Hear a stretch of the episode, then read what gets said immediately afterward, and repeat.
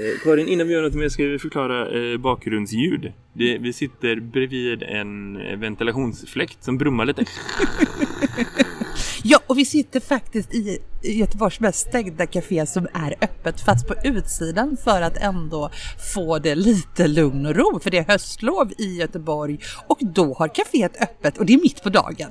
Och då var det massa folk här och vi gick runt och var så himla glada över att det är så mycket folk i en offentlig miljö som inte handlar om kommersialism liksom så. Som är tillgänglig för alla och sen insåg vi att det fanns inte en enda tyst vrå för oss någonstans. Så då har vi gått ut, det ska också sägas att vi sitter bredvid en fotbollsplan där någon har träningar så är det folk som ropar eller visslar eller så. Så är det inte Underbart. fel på radion utan det är fel på en radio. Nej, det- det... Då är det inget konstigt. Nej, det är underbart snarare att unga människor får spela fotboll i en ideell verksamhet. Nu rullar vi den här podden tycker jag. Japp. Det här är Skolsverige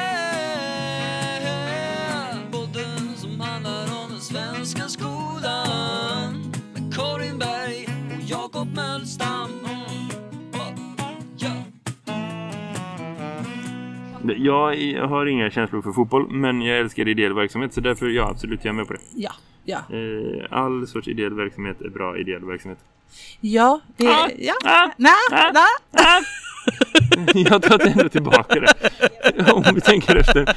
Jag vill direkt revidera det och stryka det från podden. Och vädja till den som klipper den här skiten att inte ta med det. Jo, det kommer finnas med. Det kommer att finnas med Jakob för att vi har med poliser i våran podd, bara en sån sak. Ja, jag vet. Ja. Det, vi är inte sådana människor som... Alltså, min insats som klippare här har gått ner i tid och engagemang. Men, men jag tänker att det blir bra. Ja, det, eh, engagemang vet jag inte, men i tid för att vi tycker att det finns en autenticitet att inte klippa för mycket. Japp. Japp. Eh, Och bra. på det temat så har vi spelat in ett avsnitt. Du har spelat in ett avsnitt, ett specialavsnitt. Mm. Som eh, ligger på klippning för att jag ska synka ihop filer och grejer. Och då är det jävla jobb faktiskt. Om vi ska vara helt ärliga. Eh, så det, det, det ligger lite så här i pipen. Och Karin, då ska du få hypa det lite innan. Ja. Eh, vänta, idag när vi spelar in det så är det torsdag på höstlovet. Mm. Avsnittet kommer på lördag morgon. Det kan vara så att vi redan har släppt det. Vem vet? Men Nej. förmodligen inte. Förmodligen så släpper vi det typ samtidigt kanske. Jag vet inte, det beror lite på dig Jakob, för du drog ändå vinstlotten att få klippa. Och jag jag, tycker det är superkul vill jag bara säga. Ja. Jag gillar verkligen att, att klippa podcast. Jag skulle gärna göra det mer. Men eh, jag vet inte när. Det är ändå lov. Ja, men jag har i alla fall eh, gjort ett specialavsnitt med, eller ja, vi har, eh, fast du har inte gjort din del än, jag har gjort min del, eh, med Mattias Samuelsson som är eh, skolpolitisk utredare på LO. Paus. Det visste inte jag att de hade någon skolpolitisk utredare innan han kom in på scenen. Han är verkligen den första som jag visste om. Ja. Eh, som gjorde. Och han fick ju en liten medieuppmärksamhet i alla fall i vår lilla bubbla. Ja, i våran lilla bubbla och det är ju jätte... Alltså, han, det, det är ju Mattias Samuelsson. Vi har pratat om honom i ett helt avsnitt i den här podden när han hittade den för, försvunna, icke diarieförda OECD-rapporten från 1992. De Eh. skrev en rapport om svensk skola. Var det så? Ja, alltså OECD skriver ju, OECD är ju en helt oberoende, de, det enda OECD gör är ju att liksom ge tips för hur olika länder liksom ska hänga med i den ekonomiska utvecklingen. Just det. Det är och då är utbildning en rimlig faktor. I, exakt, eftersom eh, har man en hög utbildningsnivå så går det bra för landets ekonomi. Eh, och därför så utreder de olika länder utifrån den aspekten ska verkligen sägas, utifrån den ekonomiska aspekten. Så det är Mm. ingen politisk aspekt, det är ingen röd eller grön eller blå eh, verksamhet på något sätt, utan de tittar på landets ekonomi och så utreder de. Och det här gör de eh, olika, eh, ja, olika gånger. Mm, Ja, med jämna annat den här mellanrum. PISA-rapporten som brukar få en massa, Ja. massa mediegrejer. Men de gör ju saker hela tiden. Ja, precis. Ja. Och 1992 eh, så, så skrev de en rapport eh, som är ganska ovanlig utifrån det att de skrev inte en rapport om, om det svenska skolsystemet utan de gjorde rapporten, de gjorde om sin rapport för vi skulle göra så radikala förändringar i svenska skolan 1992 så att man eh, skriver en rapport för att varna om att det här är en jävligt dålig idé. Ungefär uttryckligen så. Så mellan de här byråkratspråksraderna så står det liksom paus, paus, paus. Vad exakt sysslar ni med? Är ni säkra på det här? Vi vill i alla fall säga att det här var inte vårt fel. Nej precis. Och, och Mattias Samuelsson då som är en, en som läser de här rapporterna som sitt jobb. Mm. Alltså jag läser ju dem för att jag är nördigt intresserad men det gör ju att jag kanske bara läser de delar jag tycker är intressanta och jag liksom Du ju skummar inte- lite som man gör Ja, i en kaffepaus liksom. Ja. Ja, och, och så. Och, och så. Men, men han har ju liksom läst väldigt många sådana här rapporter och för olika länder och lite hit och dit.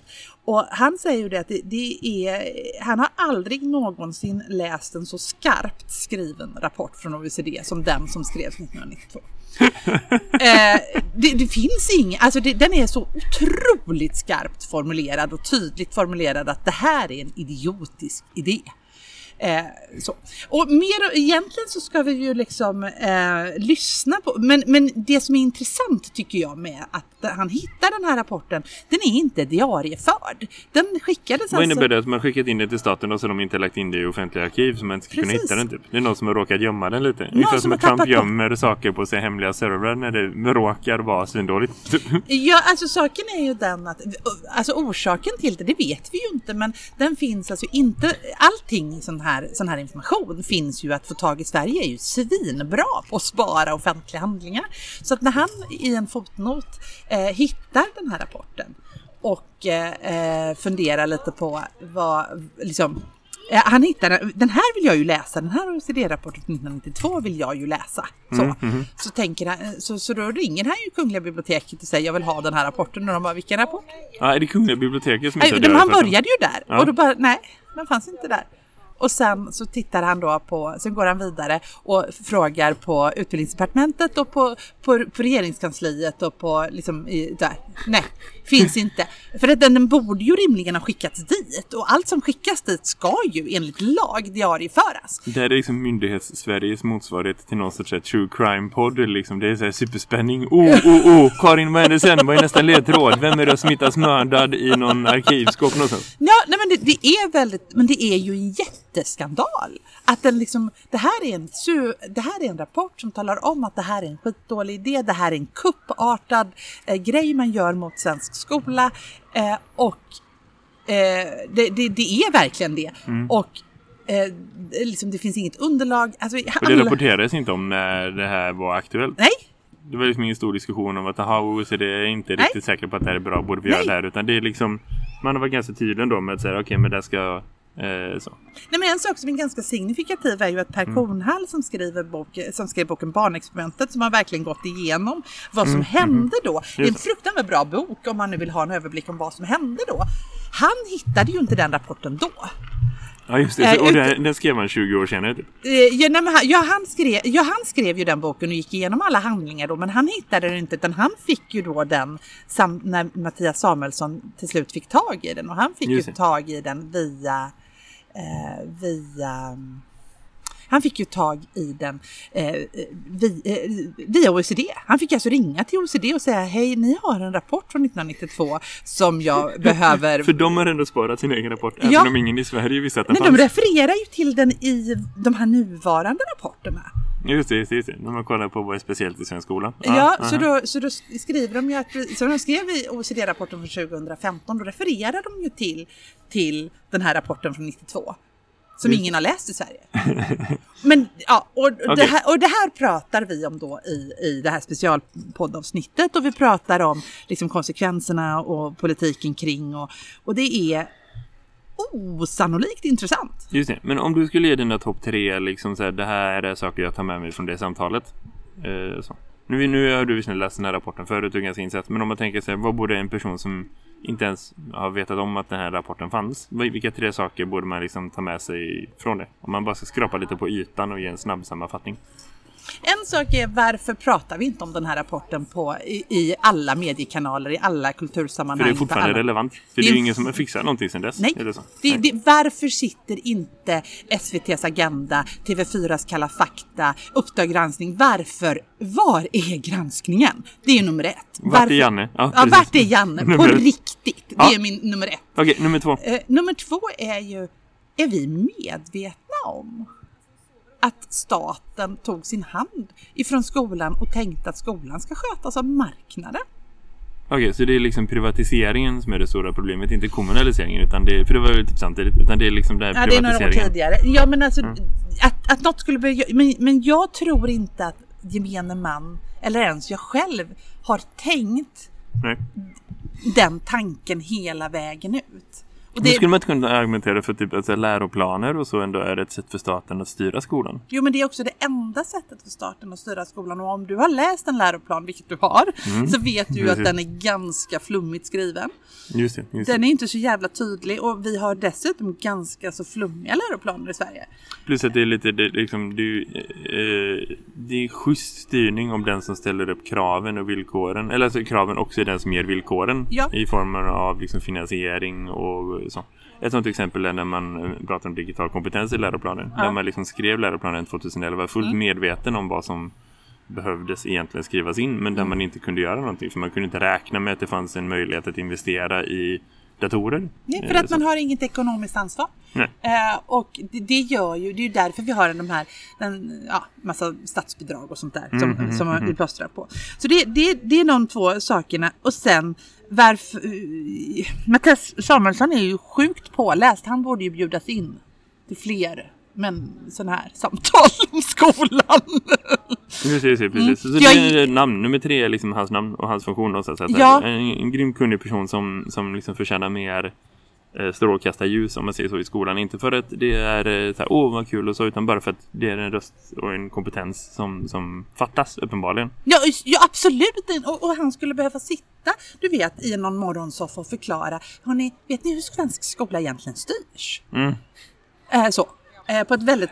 Och det är väl också det som är grejen någonstans. Att det är de personerna som har läst de rapporterna och som Mm. jobbar med det och så. De sliter ju ofta på kanske mer i, på sitt kontor mer än att liksom det är de som kanske får det inflytande som de förtjänar och behöver över liksom, men, så här, gemensamma diskussioner som den om skolan. Så. Ja, och han, han skulle verkligen tillföra någonting om vi skulle faktiskt slippa många av de här idiotpolariserade diskussionerna eh, som, som, som vi har om skolan. Om en sån liksom, tjänstemannanivå kom in. Men det är också lite märkligt om man tänker att det var politiska beslut som fattades tidigt 90-tal. Mm. Det är liksom 30 år sedan snart. 25-30 år. Så. Mm, Och det känns som att det inte har hänt så mycket sedan dess. Alltså det är väldigt få andra stora liksom, beslut om offentlig verksamhet som man fattar och sen så händer ingenting på ett kvarts sekel. Alltså man får väl skruva lite på det och vrida lite på det. Det känns som att man har pratat om det på en seriös nivå. Så vad är det egentligen som behöver hända och vad är det som är problemet och vad är det vi ska göra någonstans. Det har ju kommit ganska nyligen.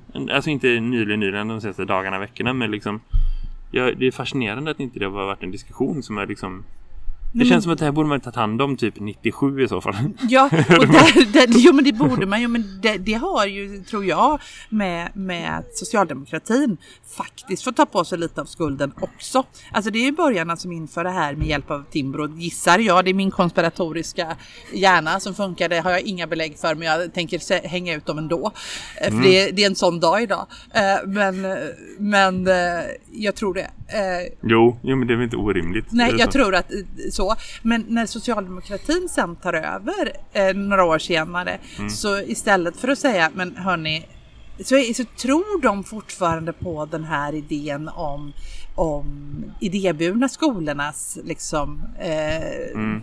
På något sätt att det är viktigt och det är bra och det är ganska skönt att slippa ta ansvar för skolan. Genom hela 90-talet och 1000-talet så pratade ju sossarna mer om här, skola, vård och omsorg som en gemensam klump.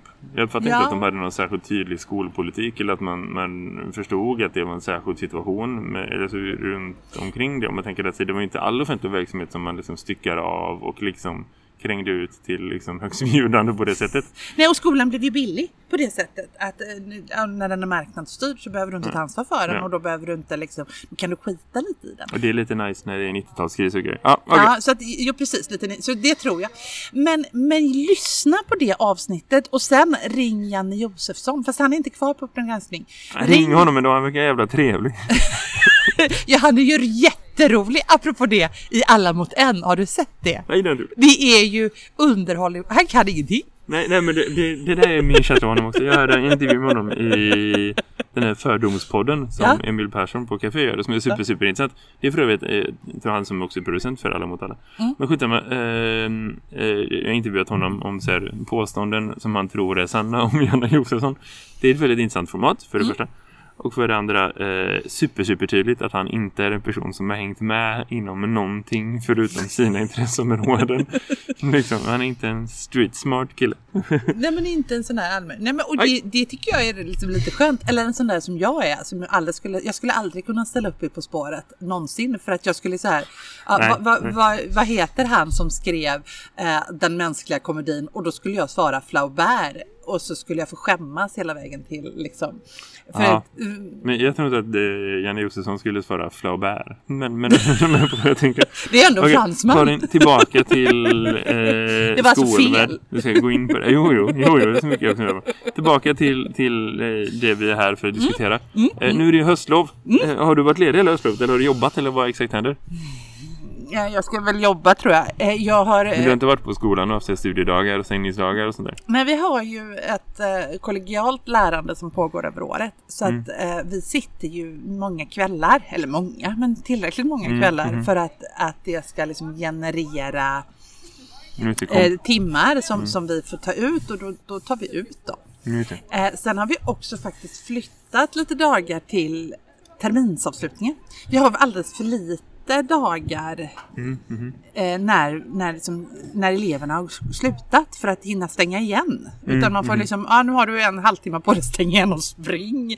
Och det har vi tyckt det inte är så funkar Alltså bra. i början och slutet på läsåret. Precis, Ja. så därför så har vi eh, flyttat lite sådana dagar. Ja, det är. Eh, är det hela er förvaltning eller är det på din skola? Det är på min skola tror jag. Ja, Okej. Ja. Ja, jag tror att det är på min skola eh, och det var inte helt icke-kommersiellt. Kon, icke-kontroversiellt. Kommersiellt var det väl absolut inte. Men Nej, precis. Den här studiedagen sponsras av Statoil. ja, men du Jakob, Mm, mhm. du har ju bytt skola. Japp, det är sant. Jag har bytt jobb. Eh, det jag tror att jag har nämnt förut i podden. Jo, men Ja, jag, det har du gjort. Eh, Så jag kommer inte ihåg vad jag pratade om. Eh, men det är sant. Jag jobbar numera i Göteborg efter 13 år i Partille. Det är sant. Vi har samma, samma, samma kommun. Vi har samma arbetsgivare i en extremt stor organisation. Så det känns ju inte som att det egentligen är så mycket närmare än vad det var förut. Men, men eh, det är sant. Vi är numera anställda av samma eh, arbetsgivare. Ja. Jag skriver på eh, igen. Fick skriva på två gånger. Så tystnadsplikt eh, och så här, var lojal mot sin arbetsgivare. så att om det påverkar innehållet i podden så vet vi ni varför. Kan vi säga. Har jag också skrivit på Eh, det? Det var så länge sedan. Ja, jag det skrev på. vet fan om man är. Eh, Det hände en ganska spännande grej apropå vår gemensamma numera arbetsgivare. För eh, jag fick skriva om mitt anställningsavtal för att jag eh, kunde börja några dagar tidigare. Och då såklart vill man ju ha betalt för de dagarna man börjar jobba. Ja. Surprise! Eh, så då bara fick jag ett av en administratör. Och så stod det min gamla adress. Det har jag inte bott på typ åtta år. Oj! Så jag var såhär, det här har inte jag uppgett. Eller vad, är det här? Och liksom jag har varit där tre gånger förut. Jag har inte träffat administratören förut. Jag har inte lämnat ifrån mina papper med det. här. Så då tänkte jag bara, ja men du det här är min riktiga adress. Okej, det måste vi fixa. Och sen på vägen hem så tänkte jag så här, men hur? Vem, var, var har det här hämtats? Det kan inte hämtas från folkbokföringen för att liksom här, det, jag kan inte missa att ändra adressen. Jo, jag får ju riktiga brev så det, det, det stämmer ju ändå. Då insåg jag att för typ 10 år sedan, 12 år sedan, så gjorde jag en gång, en dag, ett timvikariat på 8 timmar på en skola i Majorna. Och sen dess har det arkiverats någonstans i Göteborgs stad. Så här, massa uppgifter om mig som uppenbarligen inte har varit aktuella under de här åren. Och då, då inser jag att så här, eh, det tror jag är ett GDPR-problem, men det är inte mitt problem. Så att där kan någon annan få ta och lösa, jag. Någon registeransvarig människa någonstans eh, Det kan lyssna på det här och bara så här, ja, mm, och så skickar vi det vidare. Man kanske borde skicka ett litet mail till någon som har ansvar för register och säga gör något. För att det här Jag går har inte. ingen aning vem som har ansvar för register. Jag håller Nej. på och utforskar allting. Efter min tredje dag hade liksom, om jag hade en miljon frågor min första dag så hade jag ungefär 10 000 frågor min tredje dag. Så jag började ändå hitta mycket så. Mm, mm. Jag har fortfarande fått min mail att funka för det är ingen jävel Nej, som det är vet hur inget funkar. nytt. Det och det är liksom massa såna här grejer som såklart kommer med betab. Eh, så. Eh, till saken hör väl kanske för transparensens skull att jag jobbar på den skolan som av DN senast för en vecka sedan beskrevs som den omdebatterade och omtvistade eh, Kvibergsskolan. Eh, så. så jag kommer inte säga så mycket om den. För det tänker jag att det är så mycket medieuppmärksamhet. Jag vill inte liksom vara en del av det överhuvudtaget. Nej. Eh, Så jag kommer inte prata någonting om det. Men jag tänker det är intressant på ett generellt plan att byta jobb. Mm. För att det påminner en lite om hur det känns att vara ny på en skola. Vet liksom elever som börjar och och vart ska jag gå någonstans och så här, vart finns eh, kaffemaskinen, vart finns liksom alla de här grejerna som människor Mm. behöver för att ha någon sorts liksom eh, vardag för att kunna agera så. Mm, mm. Eh, och hur tacksam jag var att jag hade tre dagar av liksom möten med mina kollegor. Jag fått två dagar med dem och en dag själv. Eh, typ. Eh, innan eh, jag ska börja prestera på något sätt. Så. Mm. Och det slår mig så här, hur många elever är det som kommer in under året, precis så som jag gör, som, som inte får möjlighet att liksom eh, att fasa in sig eller som får, får komma in utan som bara kommer på måndag och säger jaha okej nu är det så här jaha okej jaha jag ska skriva ner det här i prov okej läxor vad, vad är det som händer va? Alltså de- den starten den processen in Mm. har jag ju varit intellektuellt medveten om naturligtvis eh, förut men eh, det är intressant att gå igenom det också känslomässigt bara för att påminna sig själv om att just det jag kan fan inte prestera någonting här. Jag är på riktigt är djupt oroad över att kunna undervisa på måndag men det, det löser sig väl säkert. Men liksom, är du med? Det, det tar ju ett tag. Ja. Och alla mina kollegor säger så här, ah, men du får vara ny på jobbet, det är helt okej, det är helt lugnt. Och det är superbra. Mm. Men hur länge får man som elev vara ny på jobbet? Eh. Nej, nej men det, och det tänker jag ju. Det är ju en av anledningarna till faktiskt för skolan tänker jag det är så väldigt individuellt också. Mm, alltså, du är ju ändå ansvarig för en ganska stor del i att jobba självständigt. Hur du använder dig och vrider dig Mm, och hur mycket kollegialt vi än har. För jag tycker det är viktigt och jag tycker det är därf- just därför är viktigt. Liksom, Mm, att man har en, jag vill sitta med mina svensklärarkollegor för att liksom känna Mm. mig trygg och jag vill att de, mina nya kollegor ska komma Mm. och sitta med oss så att de liksom har en sport, sportslig Just. Chans. Att, men, men det är ju faktiskt en av anledningarna till att man är skeptisk, eller jag är skeptisk till att byta jobb för att man vet ju liksom inte vid en intervju hur det där funkar. Äh, Nej, alltså som arbetstagare absolut. Men också som, jag sitter med som facklig representant på Mm. jättemånga intervjuer förut. Och det är också så här, man har ju ingen aning vem det är egentligen när man pratar Nej, med. nej. Alltså, det är alltid en chansning och när man byter jobb så vet man inte så här, jaha, men går jag till någonting bättre? Går jag till någonting sämre? Nej. Kommer jag trivas? Vad är det som händer? Så det är ju en viss trygghet att man har bara en månads uppsägningstid den första halvåret. Så. Alltså det är ganska, det, det är bra för arbetsgivare. Om man ska vara sån. Men det är också bra för arbetstagare. Av samma orsak. mm, mm, Just för att kunna vara så här, men jag, jag gör det och testar. Och så, alltså den, den mentala liksom, tror jag ändå är schyssta man kan ha. mm, Även om jag är supersäker på att jag har hamnat helt rätt bara efter några dagar. För jag har supersköna kollegor och det känns super eh, bra och seriöst. Och, eh, så. så det känns eh, asbra. Men, men det, det är väldigt många intressanta reflektioner eh, på en generell nivå. Mm. Som är väldigt bra. Ja, nej men, men det är ju, eh, det förstår jag och vi, ja, vi kommer ju följa dig. Ja, jag. Ja, Det är vad det är. Det, alltså nej, men det, det är lite intressant att jobba på skola där det liksom, jag fick ju veta att men 3D-skrivarna i Makerspace har inte kommit än. Eh, och det är väl inga problem. Men det fick jag veta genom den här DN-artikeln. Och man blir så här, jaha, okej. Vad är... Det är lite konstigt att jobba på en arbetsplats som är så i, i fokus för någon så här, låtsasbild om skolan i- som institution. Eller så. Det är inte bara det utan liksom all media som är en bild av skolan så. Som liksom inte överensstämmer med det lokala som man ändå ser varje dag i sin vardag. Men eller hur? Alltså det är liksom, det, den diskrepansen har man ju alltid vetat om. Man har gått på sin egen lilla arbetsplats och tänkt så här, ja ja nej nej men det är väl liksom så. Och så är det massa mediediskussioner om, om, om liksom skolans allmänna förfall. Eh, så. Rätt för det så är det enskilda liksom lärare och liksom, eh, skolor som antingen hamnar i skottgluggen för att de målas ut som att här är liksom förfallet personifierat eller tvärtom att här är liksom genialiteten personifierad och så vet man ju att det där är bara liksom en fejkad mediabild mer än vad som egentligen är hela den komplexa verkligheten. Eller i alla fall ett, liksom ett brott av vad som är en, en, en nyanserad bild. Eh, så. Men när det liksom är samma konkreta fysiska plats, det är väldigt intressant. Ja men det förstår jag och jag, jag tänker ju att det har ju varit mitt höstlov ska jag säga. Just det här att jag nästan blir desperat gråtfärdig om jag ska vara ärlig i den här liksom eh, fullständigt idiotiska mediebilden som pumpas ut just denna veckan.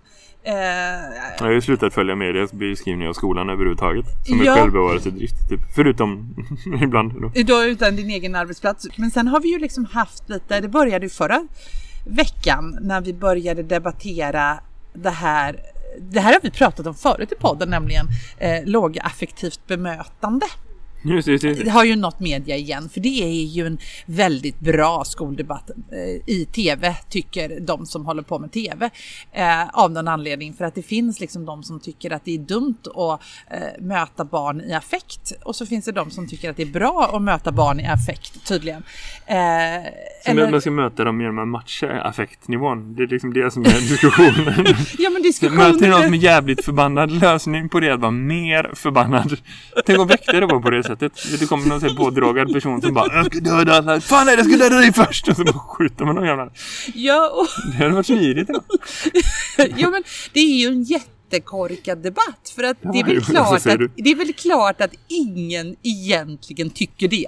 det. Det är ju liksom, samtidigt så tycker ju ingen heller att man inte ska göra någonting åt en elev som, som löper amok utan att man naturligtvis ska göra något. Eh, Men är blir... inte det igen med handlar inte om att liksom ett barn inte är människor på något sätt? Och att då kan man ju ha olika principer för människor och barn. På ett sätt som, som gör att man kan ha en hel debatt som är så här, vänta, hade vi bara pratat om andra människor? Eller så? Ja. Eh, liksom äldre människor eller liksom vad som helst så hade man inte haft en, en, en, en hade ingen ens halkat in på det spåret. Nej men det, jag tror att det är det, dels det, att vi har liksom glömt bort att barn är människor. Det är nummer, nummer ett. Nummer två tror jag att vi, vi faktiskt inte förstår att, alltså det här igen då, att alla tror att de kan bli lärare bara de går in och har liksom någon idé om, alltså det är skitsvårt. Vårt yrke är svinsvårt, Det var någon förlåt. som delade på Twitter att eh, Malou von Sivers hade i här Malou efter 10 frågat tittarna vad de tycker att, eh, kring Ja. förslaget att barn som har särskilda behov skulle gå i särskilda klasser. Ja men precis! Ja, men som jag vet, jag vet, jag vet. Malou efter 10 tittarna, det är de som borde styra skolan. Då kände jag så här, staten tar sitt hand från skolan och Malous 10 efter 10 what the fuck tittare. Ja. De bara, vi tar över, vi tar över. Ja men, men, men det är precis det liksom, som får mig att vilja skrika. Liksom, att Molla von Sivers tittare plötsligt ska bestämma om elever med, med, liksom, liksom, med särskilda behov. Alltså, det, det blir så konstigt så man blir alldeles matt. Och hon har ju då, hon hade ju också ett tv-program där eh, då Isak Skogstad och Bo Hellskog heter han va? Ja, Ja, precis. eh, hamnade i någon slags debatt där de då skulle, de, det skissades upp några scenarier. Det var någon elev som, som eh, liksom... Vad ska man göra om det här och det här händer? Är det Ja, det som är- om, ja, om en mm. elev kommer och spottar dig i ansiktet, vad gör du då? Just det. Och så ska Och- de ge tips till varandra. Ja, och då, och då blir man så här, för det första, det är ju liksom, det går ju inte att svara på. Nej. Eh, För att du, det, vadå, om en elev kommer och spottar mig i ansiktet, vad har hänt innan det? Är ju min första fråga. Vad, vad, vad, vem känner jag eleven? Är det min elev? Hur gammal är eleven? I vilket sammanhang sker det här? Och i vilken, och, alltså, det är så många frågor som inte är med i den. Och, och ska jag ge ett generellt svar så ligger ju det, det är liksom sådär, hur opererar du en tumör? Det, det är ungefär liksom, det är ju ett svinsvårt svar eh, att svara Jag, på. ja, men jag får ju ge för detaljerade svar. Sen kan man ju generellt svar. Så, ja, men jag skär upp lite här och jag fixar lite si så här och det här är viktiga saker och så. Det kan man ju svara på i, i så. I, Jo, men då- men då får man ju också svara- Men även i det andra. Men liksom man kan ju inte ge en exakt konkret. Liksom så här, Nej, och då ska vi ju inte sitta då, då ska skoltwitter sitta och håna en den ena, en den andra i så här, ha ha ha ha ha. Ja men eh, eh, hade jag haft en sån elev i affekt så hade jag ju nog faktiskt eh, sett till att den alltså jag hade jag gått ut med de andra eleverna för att de ska inte behöva hantera den här eleven som är i så, sån affekt. Jag skulle ha ringt på, på någon annan som hjälpte mig att hantera den här situationen. Om man säger det eh, för att det låter som att det här är ett allvarligt problem för att det, det är ändå en väldigt kränkande liksom, att spotta på någon annan. Liksom. Eh, det är ju inte det svaret folk vill höra. Folk vill höra att Glenn Hussein gick ut och sa ja men spotta någon på mig så skulle jag ge den en örfil. Och då blev man så här, ja fast Glenn Hussein blev plötsligt då en skolexpert i vårat liksom mediaflöde. Och man bara känner att jävla Hysén. Ja men Åh! förstår du ju nivån på våran skoldebatt och våran liksom idén om, här har vi, det pratar vi om i media. Men då har jag ett förslag. Om, om media vill ha den sortens debatter om skolan. Varför är det någon professionell lärare, skolledare, fritidspedagog, vad som helst av liksom professionella kategorier som jobbar i skolan som ställer upp på mediala intervjuer, alltså program, projekt överhuvudtaget. Vi har ändå kämpat för att säga, vi måste ha liksom, eh, experter som är där och representerar. Vi pratade senast för tio minuter sedan om att så folk som Mattias Samuelsson borde vara där för att... Ja. Men liksom grejen är ju att om, om de ändå ska lobba in idioter som Glenn Hysén i det här då känner jag så här, nej men fuck it, då drar vi. Så kan de bara ha sina jävla Glenn Hysén-människor för att grejen är att ingen kommer ju kolla på något sånt. Ingen skulle kolla på ett program där det bara var en panel av kändisar som pratar om vad de tycker och tänker om skolan. Jo, om det inte hade någon, nej jag tror inte det. Om det, om det inte fanns någon som var där och gav det trovärdighet. Alltså, Nej. det, det, alltså, det funkar uppenbarligen inte att professionella människor sitter och försöker liksom, en professionell diskussion med liksom, representanter ur allmänheten om det här. Det går inte. Nej. Och om vi inte blir inbjudna för att få vara liksom så okej men nu ska vi förklara vad du som allmänhet behöver veta om det här. Ja. Så, punkt, slut, nu är det klart. Alltså på samma sätt som att vi inte bjuder in Glenn i, i någon operationssal ska han inte in och prata i någon tv-studio om skolan.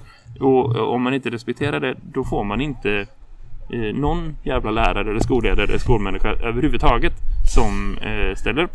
Politiker, de gör vad de vill. De tycker det är också liksom eh, så här, liksom civila människor som har bara sina egna privata åsikter. Men liksom alla vi som jobbar professionellt med utbildning borde gå, gå samman och vara så här, nej. Det här ställer vi inte upp på. Nej, men- Har du en gång haft med en person som Glenn Hysén i ett jävla program Då står du på svartlistan i sex månader Då får du inte komma in här, då får du inte vara med Nu är du utvisad, nu är du kvarsittning Och sen när du har gjort tio jävla program med Mattias Samuelsson Då får du komma tillbaka Annars är du i din jävla skamvrå Nu var det Nej, nej, nej Karin Doja, vi ska på vår hemsida starta en hatlista En svartlista med så program som inte längre får eh, jag tycker att det En räcker med- haramilista Nej, nej, det kan vara Ja, dåligt. men jag tycker faktiskt att det räcker med, för nu var ju Glenn Hysén, han, han har Mm. ju reagerat inte på i programmet utan han har ju reagerat på programmet. Skit samma. Men Tar du in däremot- sådana människor? Han Ja. får vara representanten för alla idioter som pratar Ja. först och tänker sen. Ja men absolut, men sen är det, och som inte har en koll på vad som funkar och inte funkar Nej. i skolan. Men det är ju också så här att, att, att eh, alltså alla de här medieprogrammen som då har använt sig av de här scenarierna och ställer då de här stackars mediemänniskorna som vill prata om sin, alltså de är ditbjudna. Jag kan tycka att det är sorgligt de här lärarna då som är ditbjudna för att prata om och tror att de ska få prata om sin seriös, alltså seriösa frågor och sen hamnar i att ja, det är en elev som inte tar av sig kepsen. Vad gör du? Nej, men, men det är också så att vi ska inte ha professionella diskussioner i TV4. Alltså i, liksom, i nationell media. Det är precis det vi har pratat om förut. Det är Ja. inte där vi utvecklar skolan. Skolan Nej. utvecklas i professionella sammanhang med andra professionella. Med lärare, med, med skolpsykologer, med sko, skolledare, med liksom andra människor som jobbar med skolan. Gärna med de som jobbar med samma skola. Det är Ja. de sammanhangen där vi utvecklar varandra och oss själva. Vi, vi, ja, visst, det är Sveriges största arbetsplats. Vi har ett, par hundratusen människor som jobbar i skolan varje dag. Det finns liksom inga nationella här, kanaler och det gör att en del av vår professionella diskussion flyttas ut i, i liksom rikstäckande media. Men det är inte där de bra grejerna händer. Jag är helt allvarlig. Jag tycker att vi ska gå samman och vara så här, de här redaktionerna, de här journalisterna, de här programmen, de här liksom mä- människor som visar att de inte kan debattera skola på allvar. De ska vi inte ställa upp i. Vi ska inte delta överhuvudtaget. Vi ska inte ta del av deras jävla rapportering. Då kan de få hålla på och lalla med sina liksom, kvällstidningsmetoder och så får, de, får det vara deras grej. Och så Ja. får de tjäna så mycket pengar de kan göra på det. Men då är det så här, vi säger nej. Ja, men då blir det ju ett problem. För, för att då satt ju eh, i, i, också i veckan. För nu då ringde min mamma och var alldeles förtvivlad. Mm. För att då sitter Daniel Sjölin, tror jag han heter, Daniel Sjöholm. Han var tidigare programledare, för, Sjölin heter han. Mm. Eh, han var tidigare programledare för Babel och han har skrivit eh, och är ju en kulturpersonlighet, författare. Alltså en person som Har han lärarexamen? Eh, nej, Nej. Eh, och han, men jag har ändå, han har barn och då har han skrivit en artikel om att eh, det är dumt med matematikundervisningen. Eh, Han har skrivit en egen utifrån att han har barn, att det är dumt att eleverna förstår vad division är. Eh, för då, det är dumt. Jag, vet, jag förstod inte riktigt. Men det, det, Pratade vi inte om det i förra veckan? Nej, vi har inte pratat om det. Du och jag har pratat om det. Ja, men men det, det, det skriver han. Och sen och så, så är det ju många som, som tycker att vi har för lite innan till lärning, alltså utantillärning i skolan. Att vi har för lite eh, Det kan memorerings... man ju ha en professionell diskussion Ja, om. Alltså mellan. Mm. matematikdidaktiker, mellan forskare, mellan praktiker. Där kan man ju ha en seriös professionell diskussion. Ja. Låt oss ha den då. Ja, men Alltså låt oss ha den. själva. Absolut. Eh, Men, då, och då, men då, då är det ju det. Men samtidigt så har det ju då i veckan kommit ut en bok som Isak Skogstad har skrivit som heter Is- Isak Skogstads eh, he, he, obekväma sanningar om skolan heter den. Heter boken så? Isak Skogstads obekväma sanningar om skolan. Och då måste vi ju någonstans eh, Isak Skogstad är ju före detta Lärarnas riksförbunds ungdoms eh, eller studentförbundsordförande va? Ja, något sånt. Och han har eh, ju liksom gjort sig ett namn på att han debatterar skola, men han har ju ingen större erfarenhet av att arbeta i skolan. Han har ju jobbat på tre olika skolor, men han är ju inte, alltså du och jag har ju liksom 400 gånger, alltså förlåt, men, men han har ju ingen lärarerfarenhet att tala om speciellt mycket. Vilket gör, däremot har han läst mycket. Eh, säkert. Eh, men han är ju ingen erfaren skol... Men han har i alla fall fått skriva den här boken. Han har en... en och det, det är väl roligt för honom. Men han, eh, och han bjuds in då till kultursidan i Expressen att sitta och prata om sin bok. Och då sitter Daniel Sjölin och är Åh, vad bra. Du, du, du säger att vi måste ha eh, eh, mer minnesträning i skolan. Och då så säger Isak Skogstad att jag, och jag har ju fakta på allt och jag har läst då neuropsykologiska forskningen eh, där då minnesträning lyfts fram och han, jag har en fotnoter på allt jag skriver för jag bygger mitt på vetenskap. Då ringer min mamma, det här är det, det mest intressanta, då ringer min mamma som då är pensionär och snart eh, 70 år gammal eh, och som har då jobbat som arbetsterapeut och neuro Alltså, alltså hon, psykologi, hon kan detta. Eh, och ringer och är jätteupprörd. Varför är hon upprörd? Jo, för att det är väl klart att det är ju inte forskare som har forskat på skolnivå. Nej. De har forskat på individnivå. Mm. Och det är klart att om du forskar på en, du sätter en person framför dig och du tränar minnesträning, då får du ett resultat. Mm. När du sätter 33 elever och en lärare får du ett annat resultat. Och just Mm. den grejen, där är inte den metoden som Isak Skogstad i sin bok hänvisar till beforskad alls. Nej, nej, nej. Men, och, och det där är väl eh, till hans försvar någonstans också. Så här, det är inte lätt att eh, falsifiera, liksom, eller så här, inte falsifiera, men liksom så här, veta vilken neuro bla bla bla forskning som är relevant i vilka sammanhang när man är lärare. Alltså det, är ju liksom, det finns ju Nej. folk som är experter på det. om- eh, Och låt dem vara då, det är väl en grej. Mm. Eh, Det andra är, tror du att boken Blip blip blips eh, med obekväma sanningar om skolan är i facket professionell diskussion eller är det liksom vad skulle hända om en lärare var Glenn Hysén? det är liksom det är så här, oh, det, är den här. det är lite så det funkar någonstans. Det är så här, vi, vi behöver inte lägga tid och kraft på att pr- prata professionellt om sån litteratur. Vi får inte göra det. Nej, För att det är en populism. det är, det är ingenting som är skrivet för eh, liksom, professionella diskussioner. Det är Nej. inte det. Och jag säger inte det för att dissa honom. Jag säger det för att styra upp svensk lärarkår. Vi lallar runt ganska mycket i vad det är som gills som liksom, solid grund och inte när vi utvecklar skolan. Mm. Det finns massa exempel på det. Kolla på de här böckerna som Chansen har skrivit. Jag får tips om dem av min PT. Så ja ah, men fine, gör det då. Mm. Men, men om jag skulle se en sån i mitt personalrum skulle jag gå bärsärk.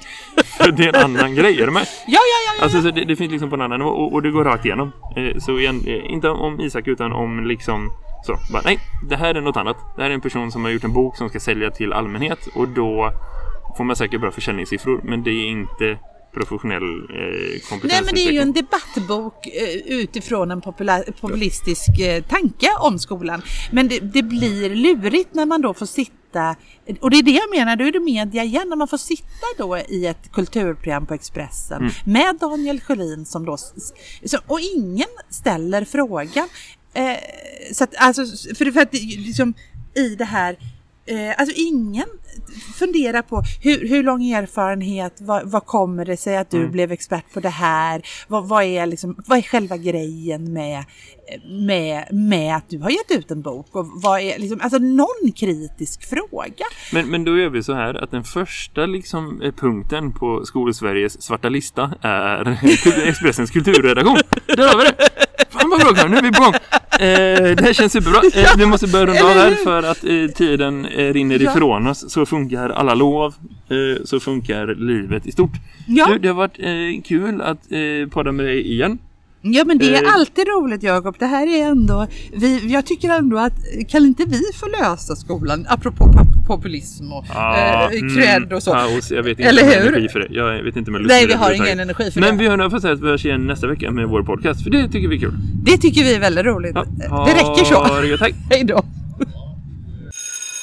Det här är Skolsverige